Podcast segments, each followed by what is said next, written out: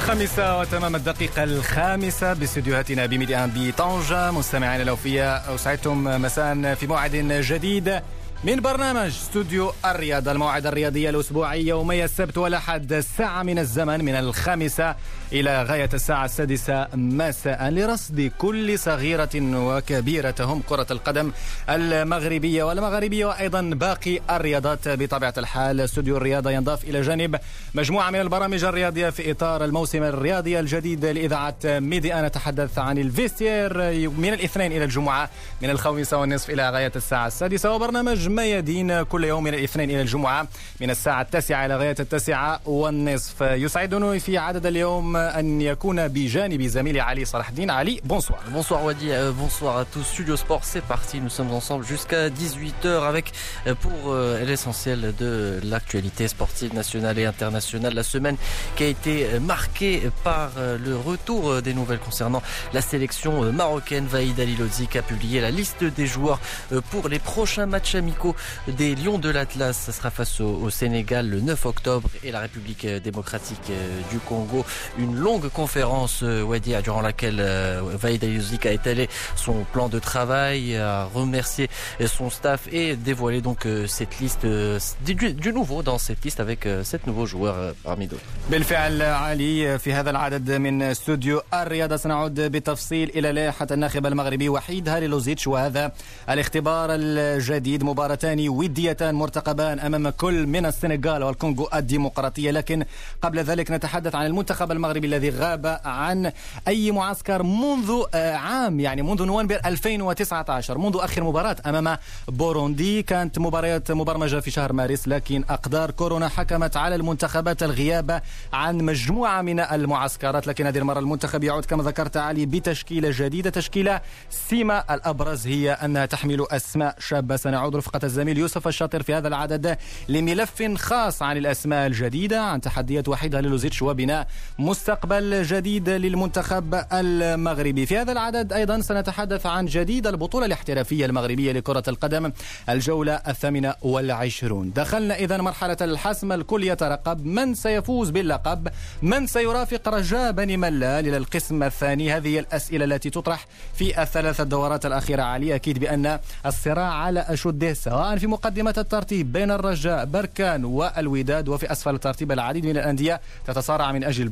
Oui, on va y voir euh, plus clair dès ce week-end avec euh, plusieurs euh, chocs. On rappelle que la semaine a été marquée par une journée multiplex. Plusieurs matchs étaient au programme et le Wydad de Casablanca a réalisé la belle opération en reprenant la deuxième place au classement général derrière le Raja de Casablanca, leader qui compte trois points d'avance sur son rival de demain, la Renaissance sportive de Balkan, qui sera incontestablement le choc de cette 28 huitième euh, journée. Deux prétendants euh, pour le titre. On écoutera euh, les réactions de plusieurs joueurs de la Renaissance sportive de Berkane. Alain Traoré et Zaid Karouche au sujet de ce match. La 28e journée qui commence dès aujourd'hui, Wadi, avec une opposition entre l'Olympique de Safi et l'Itihad de Tanger.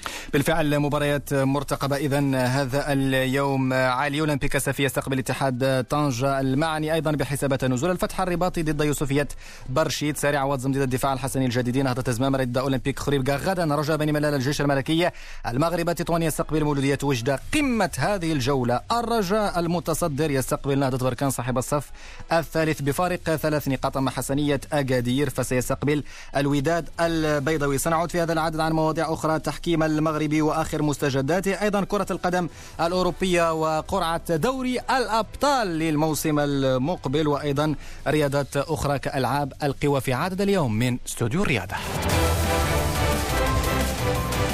إذا مستمعينا الكرام نستهل عدد اليوم كما جاء في العناوين بالموضوع البارز لائحة وحيد هاليلوزيتش لائحة المنتخب المغربي لكرة القدم التي الذي تنتظره مباراتين وديتين أمام كل من السنغال والكونغو الديمقراطية. المباراة الأولى أمام السنغال يوم الجمعة 9 أكتوبر المقبل أما المباراة الثانية في ضد الكونغو الديمقراطية يوم الثلاثاء 13 أكتوبر من الشهر الجاري للإشارة من السمات البارزة لهذه اللائحة غياب اللاعبين المحليين على اعتبار أن وحيد هاليلوزيتش. هاليلوزيتش اتفق مع الجامعة الملكية المغربية لكرة القدم على أن لا يستدعي أي لاعب من البطولة الاحترافية المغربية لإتاحة الفرصة للأندية لاستكمال ما تبقى من هذا الموسم الاستثنائي للبطولة. فقط بعجالة قبل عرض الملف الخاص الذي أعده الزميل يوسف الشاطر اللائحة الكاملة للمنتخب المغربي الجديدة استدعى خلالها وحيد حاليلوزيتش حارسين فقط ياسين بونو والمتألق مع إشبيليا منير المحمدي هاتاي سبور تركي. خط الدفاع غانم سايس نصير مزراوي نايف أكرد زهير فضال حمزة منديل نبيل درار عصام شباك خط الوسط سفيان مرابط حكيم زياش سليم ملاح إدريس صديقي. من الأسماء الجديدة عمر القادوري العائد بعد غياب طويل. نسيم بوجلاب أسامة طنان أيمان بركوك. وفي خط الهجوم يوسف نصير يوسف العربي زكريا لبيد محمد غرس الله منير الحدادي الذي سبق أن لاعب للمنتخب الإسباني. إذا بعد تعديل الفيفا الأخير الذي يسمح له بالمشاركة مع المنتخب المغربي لأول مرة إذا منير الحدادي مع الأسود. وأيضا أشرف حكيم المتألق مع إنتر ميلان دون أن ننسى أشرف بن شرقي نجم الزمالك المصري. هذه إذا اللائحة الكاملة لوحيد هالي لوزيش الزميل يوسف الشاطر أعد ملفا خاصا عن هذا الموضوع. التحديات التي تنتظر المنتخب المغربي يعني قراءة في الأسماء الجديدة في هذا الملف من توقيع الزميل يوسف الشاطر. منذ آخر مباراة لعبها المنتخب المغربي أمام بوروندي في التاسع عشر من نوفمبر من العام الماضي لحساب تصفيات أمم إفريقيا الكاميرون وانتهت بفوز الأسود بثلاثة أهداف دون رد. أشياء كثيرة تغيرت. العطالة التي فرضها وباء كورونا على عالم الرياضة. وضعت الناخب المغربي أمام متغيرات مختلفة منها السلبي ومنها الإيجابي. حان وقت العودة إلى العمل. الاختبارات الأولى ودية. أمام السنغال والكونغو الديمقراطية. نظريا يبدو الأمر مثيرا للاهتمام كي نقيس مدى جاهزية منتخب ما زال في طور التكوين. الناخب المغربي السابق حسن مومن يتحدث عن أهمية معسكر أكتوبر. طبعا هذا المعسكر تاع أكتوبر على الأقل يمكن نقولوا أنه جا فوق ديالو مدة آه والفريق الوطني المغربي أنه ما تجمعش. وكنعرفوا لأن أحداث كثيره وقعت في الشهور الأخيرة. لا ليس فقط بالنسبة للفريق الوطني المغربي ولكن جميع البطولات العالمية والمنتخبات العالمية. وبالتالي فهذا المعسكر أكيد أنه غادي تكون فرصة باش نشوفوا مدى استعداد بعد على الأقل النواه الأولى اللي هي هذه السنوات هي كتلعب مع الفريق الوطني المغربي. وكذلك غادي تكون فرصة باش نعرفوا فعلا مدى أحقية هاد اللاعبين الجدد للدفاع عن ألوان الفريق الوطني المغربي. اللي هو أكيد كذلك هو أن هذا التجمع غادي تكون فرصة باش على الأقل اللاعبين باش يتعرفوا بيناتهم باش يعرفوا الأجواء الجديدة باش يركزوا أكثر على النهج اللي غادي يبغيه المدرب وحيد. أهداف المنتخب الآن هي الاستعداد الجيد لمباراتي إفريقيا الوسطى لحساب تصفيات أمم إفريقيا الكاميرون 2022 المباريات التي ستجرى مبدئيا شهر نوفمبر المقبل قد يلعبها وحيد بتشكيلة مختلفة بما أن اللائحة تشهد سبعة ضيوف جدد. الناخب المغربي آلي لوزيتش يؤكد أن رغبة هؤلاء اللاعبين في تقمص زي الأسود هي من دفعته نحو استدعائهم. تعرفون لقد استفدنا من فترة الحجر الصحي من أجل متابعة أشياء كثيرة وتحليلها. أنا أعرف نوعية اللاعبين التي أحتاجها. تحدثنا عن لاعب كأيمن برقوق ومنير الحدادي نعم ممكن أن المنتخب يحتاج لهؤلاء اللاعبين لكن دعوتهم جاءت بمبادرة منهم ورغبتهم.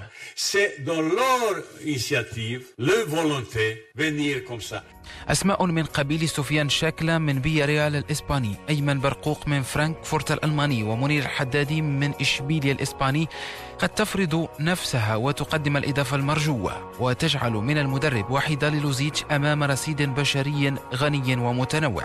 نعود للناخب المغربي السابق حسن مومن. الأسماء الجديدة وهل هي قادرة على تقديم الإضافة بالنسبة للمنتخب المغربي؟ فأكيد على أن المقابلات التجريبية ما يمكنناش يكون عندنا فيها واحد حكم اللي هو قاطع. ولكن اللي أكيد على أن هذه المجموعة ولا هذه الأسماء الجديدة ما يمكنناش نحكموا عليها. من الأول علاش؟ لأن كما قلت أنا مقابلة تجريبية ثانيا هذه مدة ما تجمعش الفريق الوطني المغربي والفريق الوطني المغربي في حد ذاته هو مازال كيقلب على ديك المجموعة اللي هي غادي تكون متجانسة واللي هي غادي يمكن لها تكون وسيلة من أجل إعطاء فرصة لهذا لاندماج هاد اللاعبين الجدد. فطبعا كاين بعض الأسماء اللي هي كتبان من الهلال الاولى يمكن لها غادي يمكن لها تكون عندها مكانة اللي هي داخل الفريق الوطني المغربي.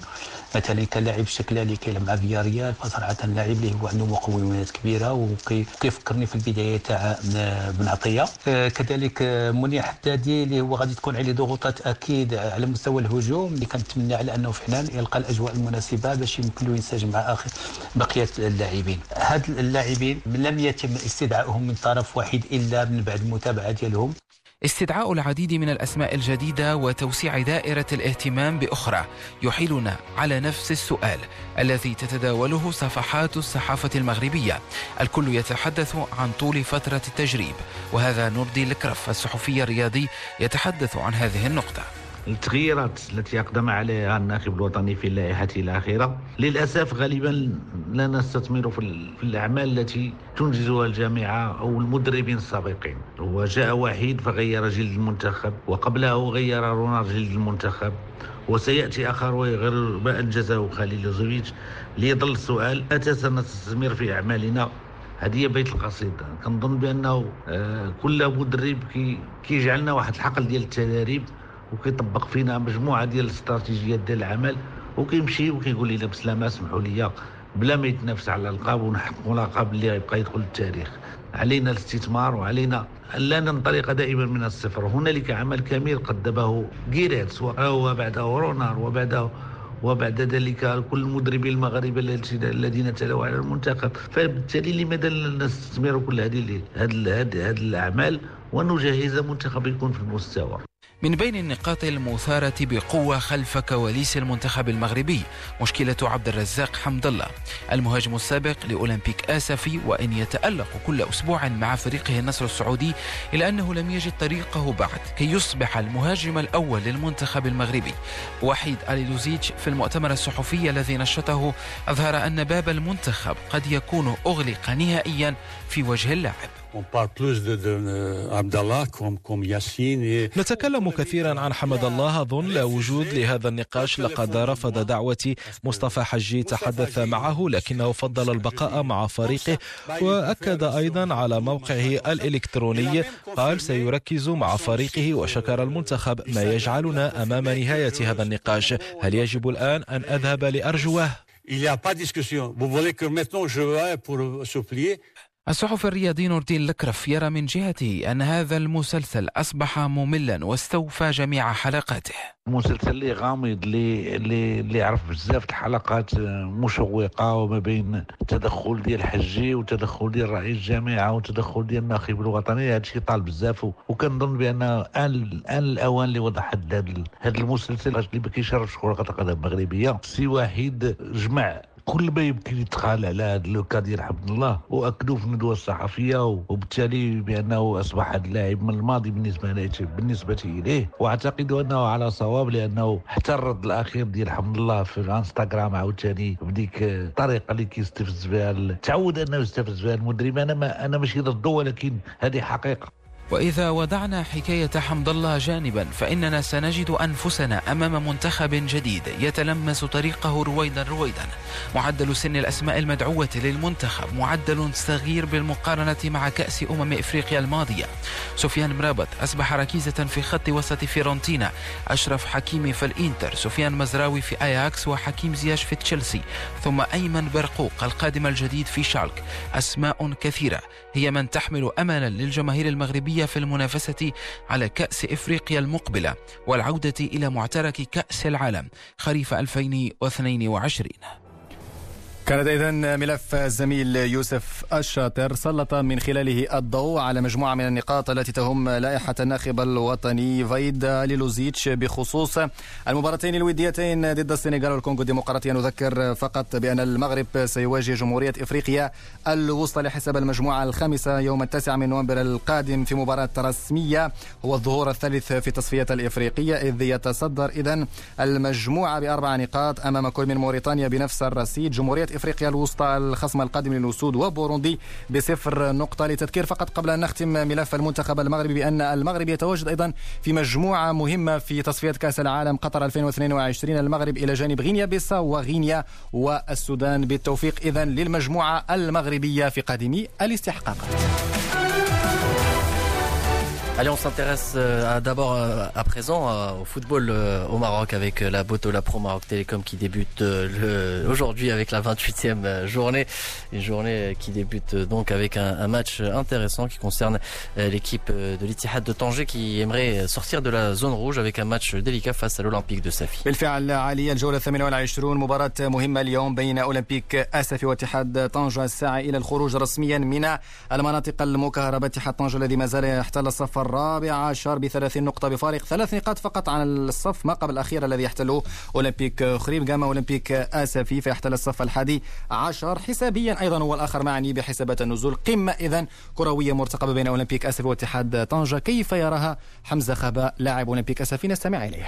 استعدادات كدوز كجميع المقابلات كما كتعرف المقابلة هذه ديال طنجة. غندخلوا عازمين إن شاء الله باش نحققوا واحد النتيجة إيجابية مع واحد الخصم اللي تا هو قرصو في المباريات الأخيرة. حنا غندخلوا عازمين باش نجيبوا ثلاثة النقاط. تخلينا نبعدوا من كاع الحسابات الضيقة. كما كتعرف باللي من وراء جوج خسارات اللي خسرنا خص ضروري العنوان ديال هاد المباراة هو الفوز. اللاعبين كلهم مقتنعين باللي إن شاء الله غادي غادي إن شاء الله ندخلوا لهاد المباراة باش نقدموا واحد المباراة اللي تكون كبيرة باش المباريات الجايه نلعبوا باريحيه ونخرجوا من الحسابات الضيقه إن شاء الله.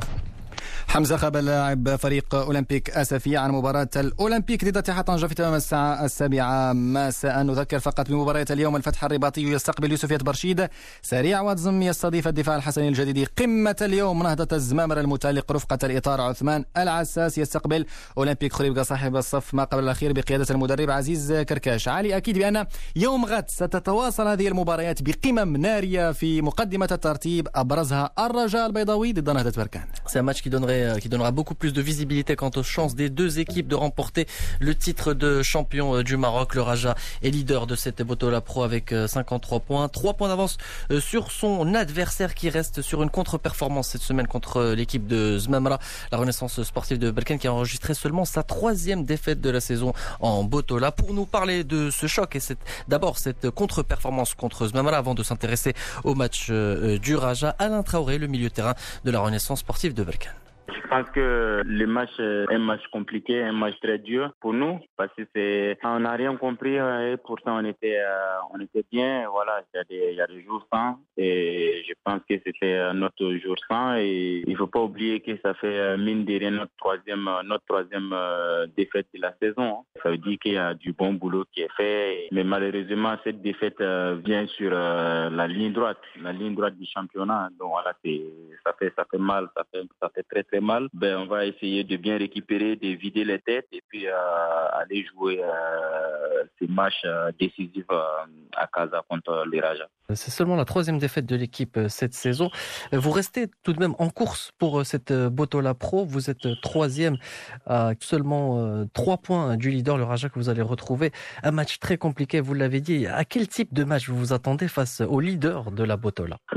C'est toujours des matchs accrochés contre les Raja on les a joués euh, plusieurs fois, que ce soit en campagne africaine ou en championnat. La saison dernière, même euh, en phase aller, quand il y avait toujours le public euh, dans les stades, à Berkan, on avait fait l'un des meilleurs matchs du championnat. On avait fait 2-2. C'était vraiment un match de, très, très, très, très grand niveau. Donc, du coup, on s'attend à, la même à la même à faire un match de très grand niveau avec beaucoup d'intensité euh, et puis euh, essayer de cette fois-ci gagner parce qu'à euh, à domicile je pense qu'on méritait de gagner la victoire. justement, ça sera sans public, on le rappelle, avec ces nouvelles mesures sanitaires. Ça, sera un match différent parce qu'on le sait quand il y a le public, les, les, joueurs sont transcendés. Là, il va falloir vraiment rester concentré. Oui, sans public, c'est un peu difficile. Je pense que c'est ce qui nous a manqué. Hein. On, a, on, avait besoin de notre notre public euh, pour gagner le match d'hier. Parce que euh, voilà, c'est des matchs, des matchs compliqués comme ça. On a besoin du, soutien de notre public. Et là, ça va être un match encore à, huis clos. Ça va être euh, à nous de, bien gérer cet aspect et puis essayer de gagner parce qu'on n'a plus, on n'a plus de choix. Hein. On a plus on a notre dessin en main. Il faut gagner ces matchs et puis espérer que Widad fasse un faux pas aussi. Voilà, c'est une course à trois. Il faut, il faut pas calculer, il faut gagner tous ces matchs et puis regarder ce qui se passe autour. Et vous faites bien de parler du Wydad de Casablanca, Alain Traoré. Ça sera ma dernière question concernant cette course à trois. Elle est folle pour le titre de champion du Maroc. Vous, en compagnie des deux plus grands clubs de l'histoire du Maroc, le Raja et le Wydad. Euh, les supporters de la RSB rêvent de ce titre. Ça vous met une euh, pression? Est-ce qu'elle est plutôt euh, positive ou négative? Non, c'est positif pour nous. C'est tout bénéfice pour nous. En début, de saison, ça faisait partie de nos objectifs. De, on, a, on, a, on a une équipe pour jouer les titres. Je pense que pour nous, c'était de jouer à fond la campagne africaine. Après, on a tellement bien démarré les championnats qu'on a pris goût pour finir premier. Je pense qu'on est en train de faire un, très bon championnat. Et comme je l'ai dit en début de, de l'interview, on est, on est qu'à notre deuxième, troisième défaite de la saison et des défaites euh, contre Zimambra. Voilà, c'est des choses qui arrivent, euh, mais maintenant, euh, avec beaucoup de recul, il faut qu'on se vide la tête et rester solidaire, tous unis comme depuis le début de la saison, comme on est. voilà, rester comme une famille et faire le dos rond, aller faire un gros match contre les Raja. Voilà donc Alain Traoré, le joueur de la Renaissance sportive de Balkan qui retrouve demain à partir de 19h le Raja pour le choc de cette 28e journée de Botola Pro. Le Raja qui a été tenu en échec cette semaine euh, par le Mouloudier d'Oujda, très accrocheur, deux buts partout. L'équipe qui effectue une très belle saison, quatrième au classement euh, général et qui retrouve demain l'équipe du Maghreb de Tétouan. Un match bien négocié face au leader du euh, championnat, l'équipe du Mouloudier d'Oujda, grâce notamment à un but de Lamine Diakité qui revient sur sa belle prestation et ce qu'il attend avec le Mouloudier d'Oujda. Concernant le but, euh, je pense que ça fait toujours plaisir de marquer et d'apporter son, soutien à l'équipe et tout. Donc, euh, je suis vraiment content pour le groupe. Et voilà, concernant le prochain match, on vient pour, pour se battre et tout, et voilà, pour, pour amener des points, quoi. لمين دياكة لاعب مولودية وجدة. إذا نتحول الآن إلى موضوع آخر له ارتباط أيضا بالبطولة الاحترافية وموضوع التحكيم حيث تعززت تقنية الفار بتقنية أخرى جديدة وهي تقنية خط حالة التسلل الافتراضي أو ما يعرف بالفول. وذلك بعدما قررته الجامعة الملكية المغربية لكرة القدم بعد تأطير من خبراء دوليين في هذا المجال حيث سيتم اعتماده إذا في العديد من المباريات بداية من مباراتي أولمبيك أسف اتحاد طنجة. اليوم نهضة الزمام أمام أولمبيك خريبكا نستمع لتوضيحات أكثر رفقة رئيس اللجنة المركزية للتحكيم جمال الكعواشي. الجامعة الملكية المغربي ارتأت ان تدخل واحد التقنيه جديدة اللي هي كتسمى ال VOL كيسميوها ال VOL يعني virtual offside line الخط الافتراضي. وهي غادي تزيد تساعد الحكام باش يلتقطوا خاصة الحالات اللي كتكون فيها الشروط اللي كتكون فيها ال offside باش نزيدوا نقلصوا أكثر من الاخطاء التحكيميه بطبيعة الحال. فغادي يكون تكافؤ الفرص بين جميع الأندية. وهذا نضرب لأنه قيمة مضافة لكرة القدم المغربية فعلا. فاحنا دخلنا في واحد التكوين اللي كان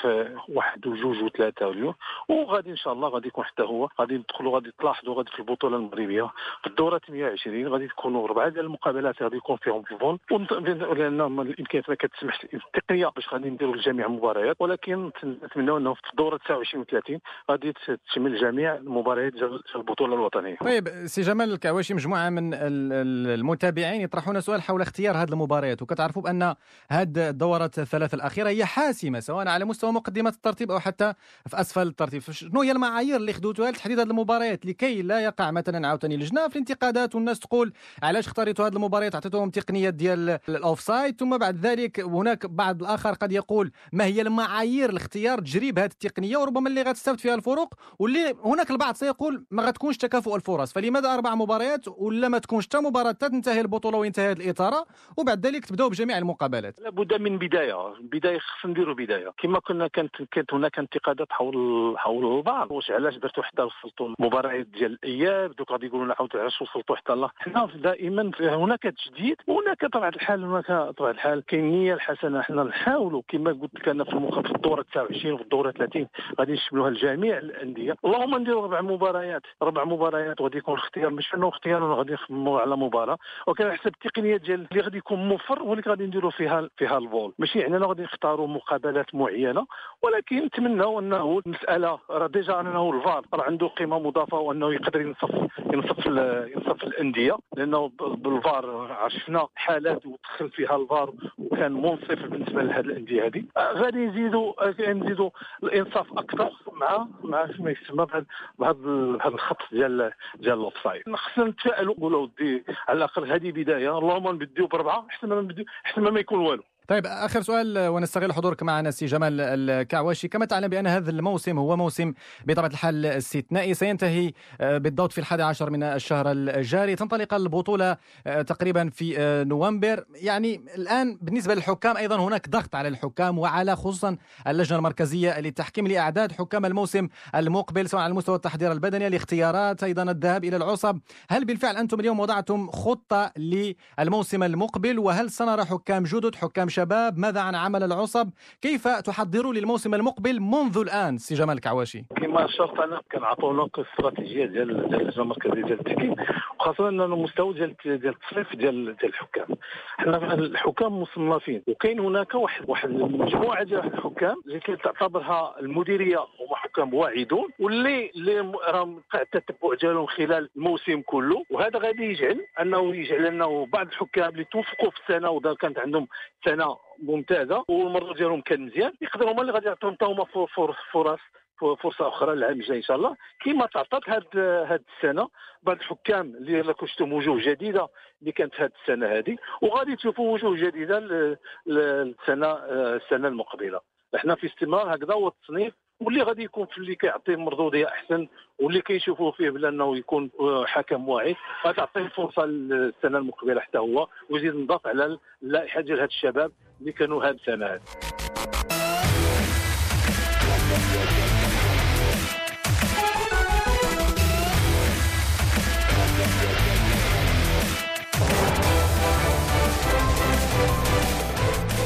17h34 minutes à l'écoute de Médien. Bienvenue à vous si vous venez de nous rejoindre. C'est la deuxième partie de Studio Sport et nous sommes ensemble jusqu'à 18h. Nous avons parlé euh, football au Maroc avec euh, l'opposition euh, entre le Maroc et le Sénégal et la liste dévoilée par Vaïd. Pour la petite info, le Sénégal sera privé de Sadio Mané, testé positif au coronavirus hier. Les Lions de la Teranga seront privés donc de leur star pour leurs deux prochains matchs amicaux, à savoir le Maroc et également la Mauritanie. On a parlé également Botola Pro avec la 28e journée qui s'annonce intense avec le choc entre la renaissance sportive de Balkan et le Raja de Casablanca. On continue de parler de football, mais cette fois en Europe avec euh, cette semaine qui a été marquée par euh, le tirage au sort de la phase de poule de la Ligue des champions euh, d'Europe. Plusieurs matchs sont au programme, des matchs intenses à surveiller, notamment le groupe du FC Barcelone qui a été logé en compagnie de l'équipe euh, de la Juventus de Turin, les retrouvailles entre Cristiano Ronaldo et euh, Lionel Messi. Une première euh, pour, les deux joueurs en phase de poule. Nous allons écouter la réaction de Frédéric Hermel au sujet de ce tirage avant de nous intéresser aux autres groupes de cette phase de groupe de la Ligue des Champions. C'est une belle affiche. Cristiano et, Messi deux fois face à face. C'est d'ailleurs la première fois de l'histoire qu'ils se retrouvent en phase de groupe. C'est logique puisqu'à partir du moment où ils étaient tous les deux en Espagne, en parlant surtout de Cristiano, ils ne pouvaient pas, deux équipes espagnoles ne pouvaient pas se rencontrer en phase de poule. Mais bon, ça sera intéressant de les voir à ce niveau-là de la, de, la compétition et en espérant peut-être les revoir beaucoup plus loin, notamment à partir des, des quarts de finale. Donc on va dire que c'est plus pour euh, ce groupe, il est, il est surtout intéressant pour le bah, pour l'affiche qu'il présente que pour la difficulté. Bon, là je pense que la Juve et le Barça, a priori plutôt le Barça, vont, vont, vont, vont faire un et deux voilà, Barça Juve ou Juve Barça, euh, on pense pas que Varosi ou, ou, même le Dynamo Kiev puisse embêter euh, euh, ces, équipes, surtout le, le, Barça qui est bien en jambes, qui fait du pressing, qui est plus direct qu'avant. Il y a quelque chose qui, est, qui est en train de se passer avec avec Coman. Ce groupe, il est, il est surtout intéressant pour le bah, pour l'affiche qu'il présente que pour la difficulté, parce que j'insiste, les deux premiers, Juve et Barça, euh, passeront en huitième sans aucun doute. Voilà donc Frédéric Hermel au sujet de ce groupe G qui comprend le Barça, la Juventus de Turin, Varosi et le Dynamo de Kiev pour l'équipe du Paris Saint-Germain. Eh bien les Parisiens ont hérité du groupe H en compagnie de Manchester United, Istanbul et le RB Leipzig, un match qui s'annonce intense pour Hakim Ziyech et Chelsea. le groupe est euh, jouable, mis à part Séville, il y a Rennes et Krasnodar et puis on va s'intéresser également au groupe du Real Madrid, un, groupe qui comprend l'Inter Milan, le Shakhtar et bien sûr le Borussia Mönchengladbach. Inter Real, c'est un match intéressant on va dire avec les retrouvailles entre Hakimi et le Real. بالفعل علي اذا حكيمي سيواجه فريقه الام ريال مدريد بعد اعاره الى بورسيا دورتموند اولا وبعد ذلك بيعه لانتر ميلان الايطالي حكيمي في مواجهه فريقه السابق ريال مدريد ايضا كما ذكرت علي المجموعه الخامسه هناك صدام مغربي خالص اشبيليا ثلاثة لاعبين بونو نصيري ومنير الحدادي. تشيلسي هناك حكيم زياش ورين الفرنسي نايف أكرد أكيد علي بأن هذه المجموعة ستعرف حضور مغربي على الأقل في ما بعد دور المجموعات. ومن دون شك يبقى الصدام البارز اليوفي برشلونة. كريستيانو رونالدو أمام ميسي. أكيد بأن هذه المجموعة باستثناء يوفنتوس وبرشلونة يبقيان المرشحان الأبرز للمرور إلى الأدوار القادمة. وبالتالي سنرى كيف ستؤول إليها الأوضاع في دوري أبطال أوروبا الموسم المقبل في موسم جديد من دون جمهور. سنرى الاتحاد الأوروبي هل سيمنح الفرق إمكانية لاستقبال استقبال الجماهير أم لا؟ كيف ستكون هذه النسخة الجديدة في زمن كورونا من دوري أبطال أوروبا؟ على العموم هذه المنافسات ستنطلق بداية من الشهر المقبل أكيد بمباريات قوية كما ذكرنا علي في الدوريات الأوروبية. اذا نواصل الحديث في استوديو الرياضة لكن بعيدا عن ملاعب كرة القدم وبالضبط ألعاب القوى المغربية حيث إذا طالما كانت علامة مضيئة في الرياضة المغربية قبل أن يخفت نجمها في السنوات الأخيرة في العديد من المحافل الدولية باستثناء بطبيعة الحال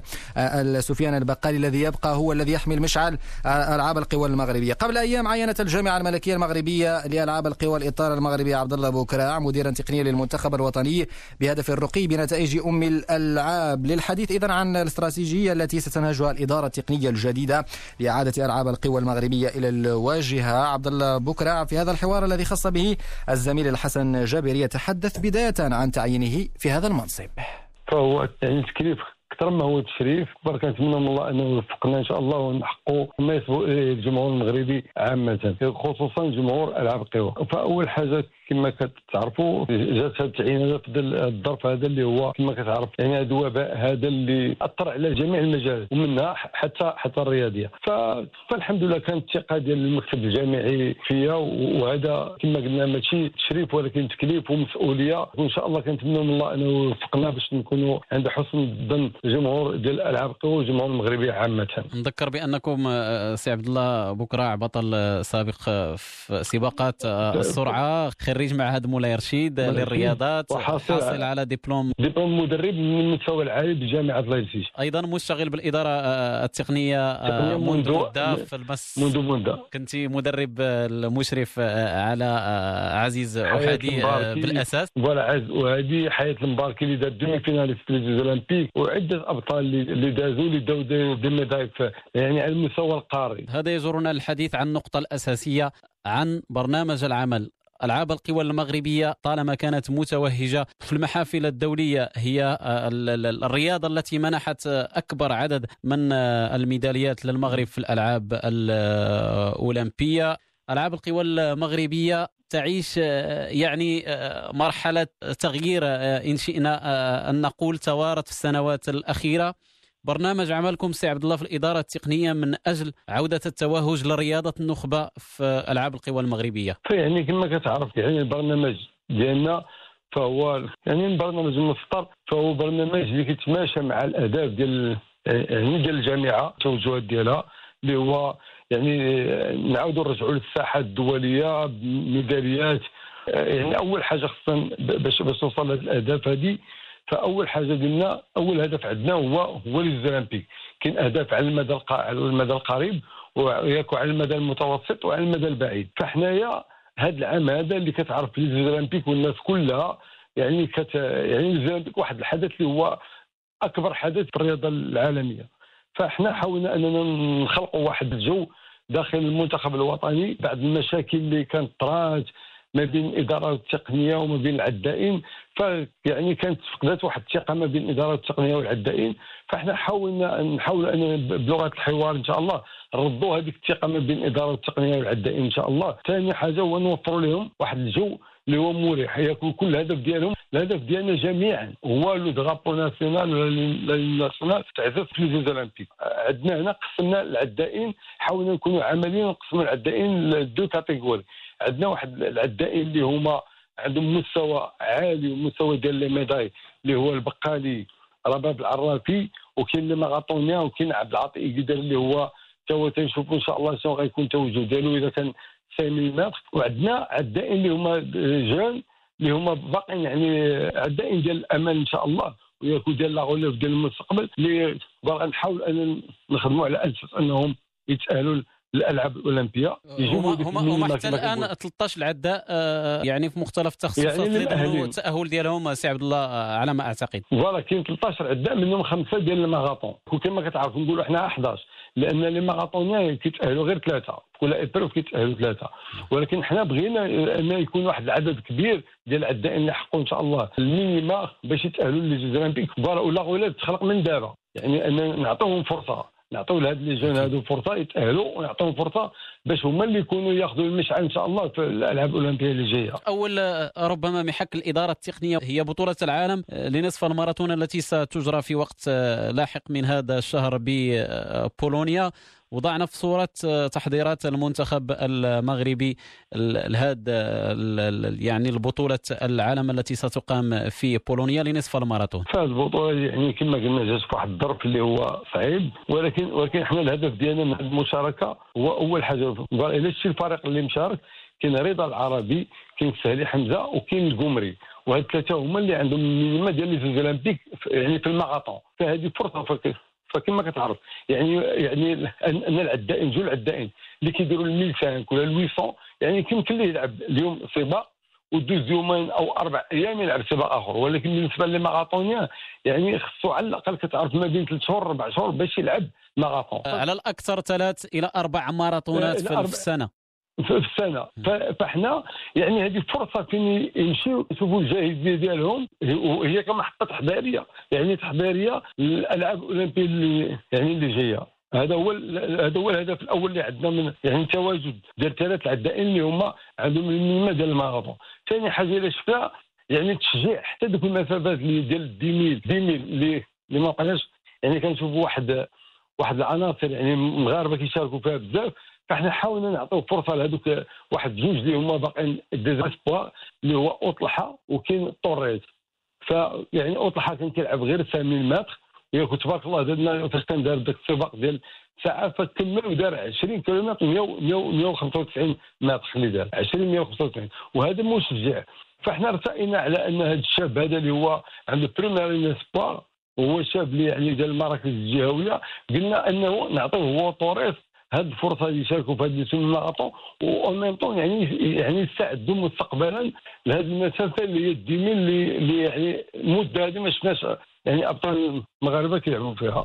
كان اذا الإطار المغربي عبد الله بكراع المدير التقني للمنتخب الوطني للالعاب القوى في حوار مع الزميل الحسن الجابري. تحدث عن مجموعة من النقاط التي تهم رياضة ألعاب القوى المغربية وابرز التحديات التي تنتظرها. صحيح أننا اشتقنا لأيام هشام القروج نزهة بدوان وقبل ذلك بطبيعة الحال أسماء كبيرة كعويطة. على العموم ننتظر ربما أسماء شابة ولو أنها قليلة لنكون صراحة باستثناء سفيان البقالي الذي يعني يتفوق مرة هنا وهناك لكن على العموم لا بد من إيجاد الخلف وإيجاد أيضا أسماء شابة قادرة على حمل مشعل رياضة ألعاب القوى المغربية. من ألعاب القوى إلى رياضة التنس. الكل يتابع منذ أسبوع تقريبا أحد أبرز البطولات الأربعة الكبرى في عالم الكرة الصفراء بطولة رولان جاروس الفرنسية بالضبط في ملاعب العاصمة الفرنسية باريس. علي ربما بعض المفاجآت خاصة لدى السيدات لدى الرجال الرجال تألق نادال تألق جوكوفيتش لا وجود لمفاجآت باستثناء ربما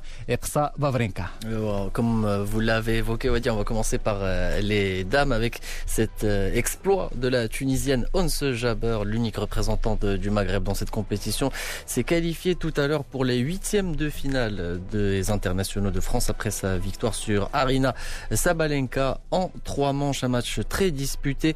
La Tunisienne euh, qui a réussi réussi à s'imposer malgré un match très compliqué qui pourra donc représenter le Maghreb. Et c'est d'ailleurs la première joueuse arabe à atteindre les huitièmes de finale de Roland Garros.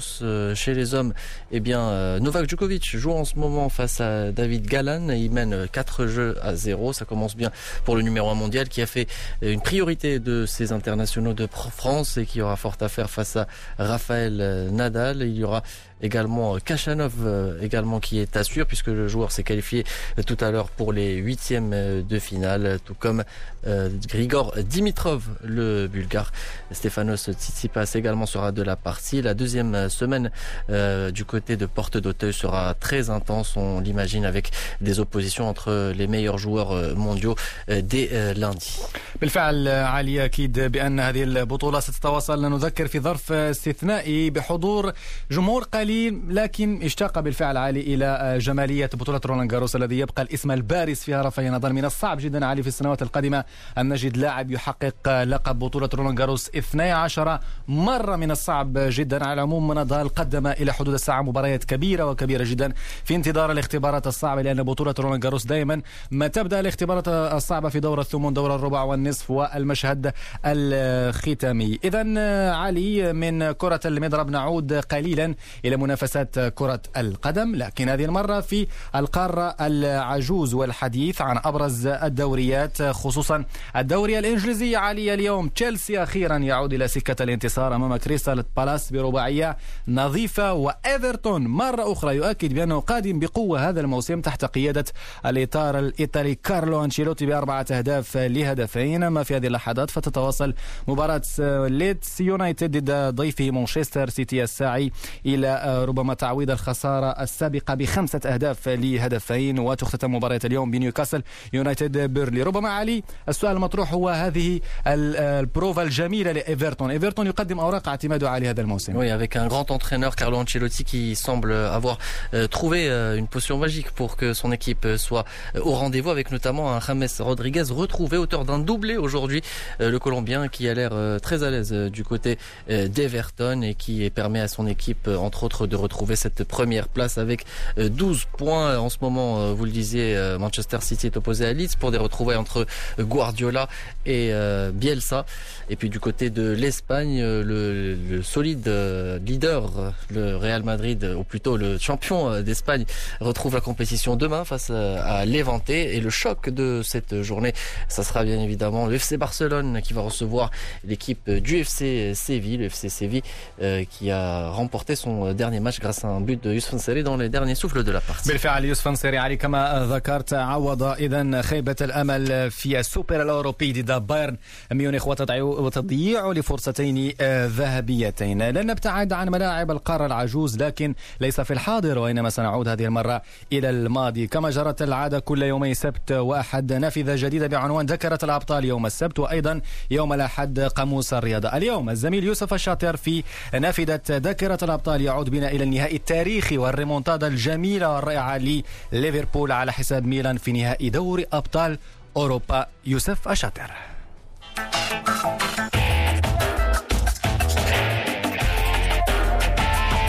ذاكرة أبطال. ما حدث كان جنونا.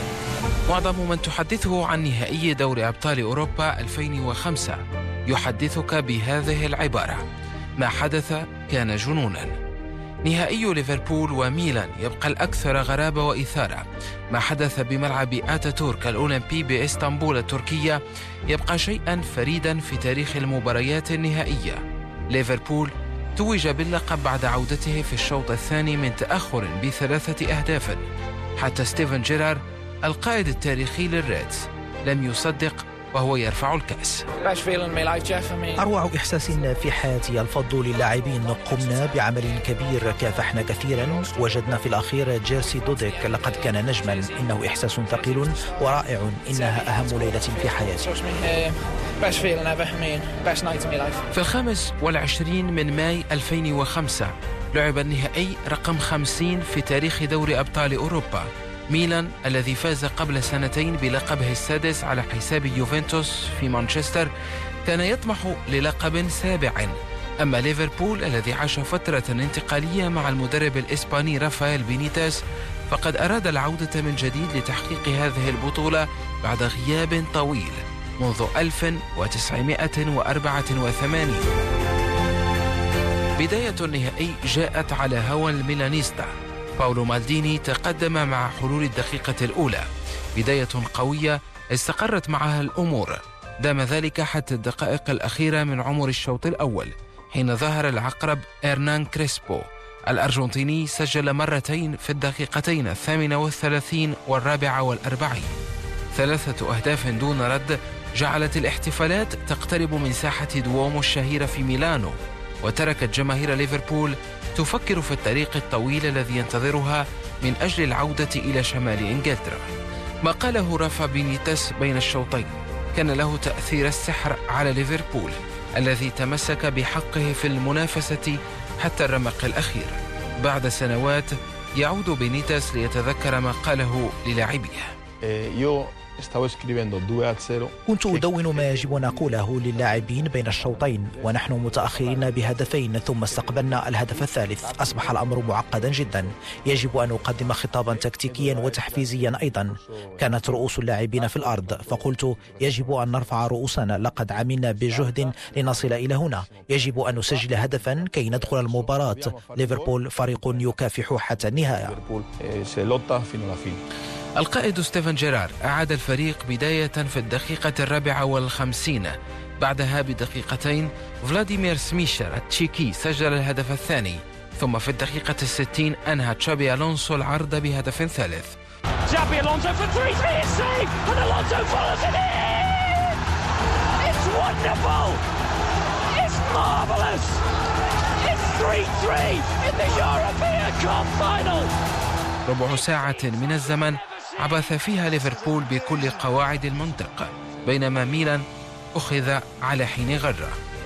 النتيجة صارت متعادلة والحدث تحول إلى آخر. جماهير ليفربول لم تصدق ما عاشت بدا الأمر أشبه بالحلم. إلى ركلات الجزاء الآن. ميلان حاول كثيرا التدارك في الأشواط الإضافية. الظاهرة الأوكرانية تشيفشينكو اقترب كثيرا من تسجيل هدف الخلاص لكن الحارس جيرسي دوديك ارتدى قفاز العمالقة. ظهر ذلك أكثر خلال ركلات الجزاء. دوديك وقف كالجبل أمام أساطير ميلان. ليلة للذكرى. دموع الفرح جعلت من إسطنبول أرضا حمراء. حتى اليوم ما زال اللقب الأغلى على قلوب جماهير ليفربول.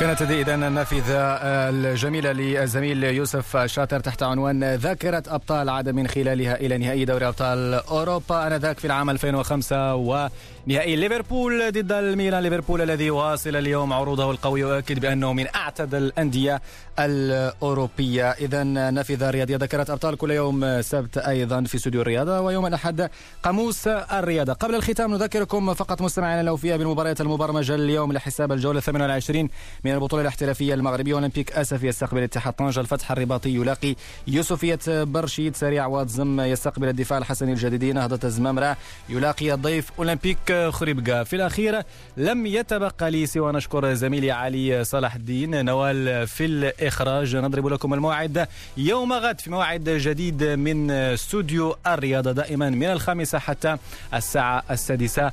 مساء. شكرا لكم على حسن الإصغاء والمتابعة. بقية أوقات ممتعة رفقة برامجنا على ميديا